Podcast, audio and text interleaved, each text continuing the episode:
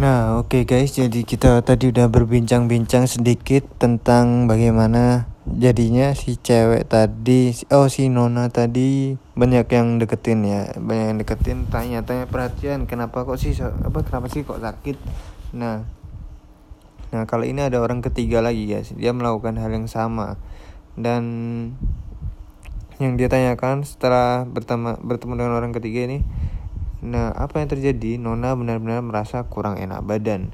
Nah, itulah pengaruh yang dimaksudkan ke dalam pikiran kita. Apa yang masuk ke dalam pikiran kita jika terus-menerus diulang maka akan mempengaruhi cara berpikir kita dan mempengaruhi tubuh kita juga. Kebanyakan kebayangkan maksudnya sementara linguistik adalah bahasa yang digunakan oleh orang lain sehingga mempengaruhi otak kita. Nah, jadi masih ingat dengan tiga orang di atas. Nah, jadi mereka tuh menggunakan bahasa untuk mempengaruhi keadaan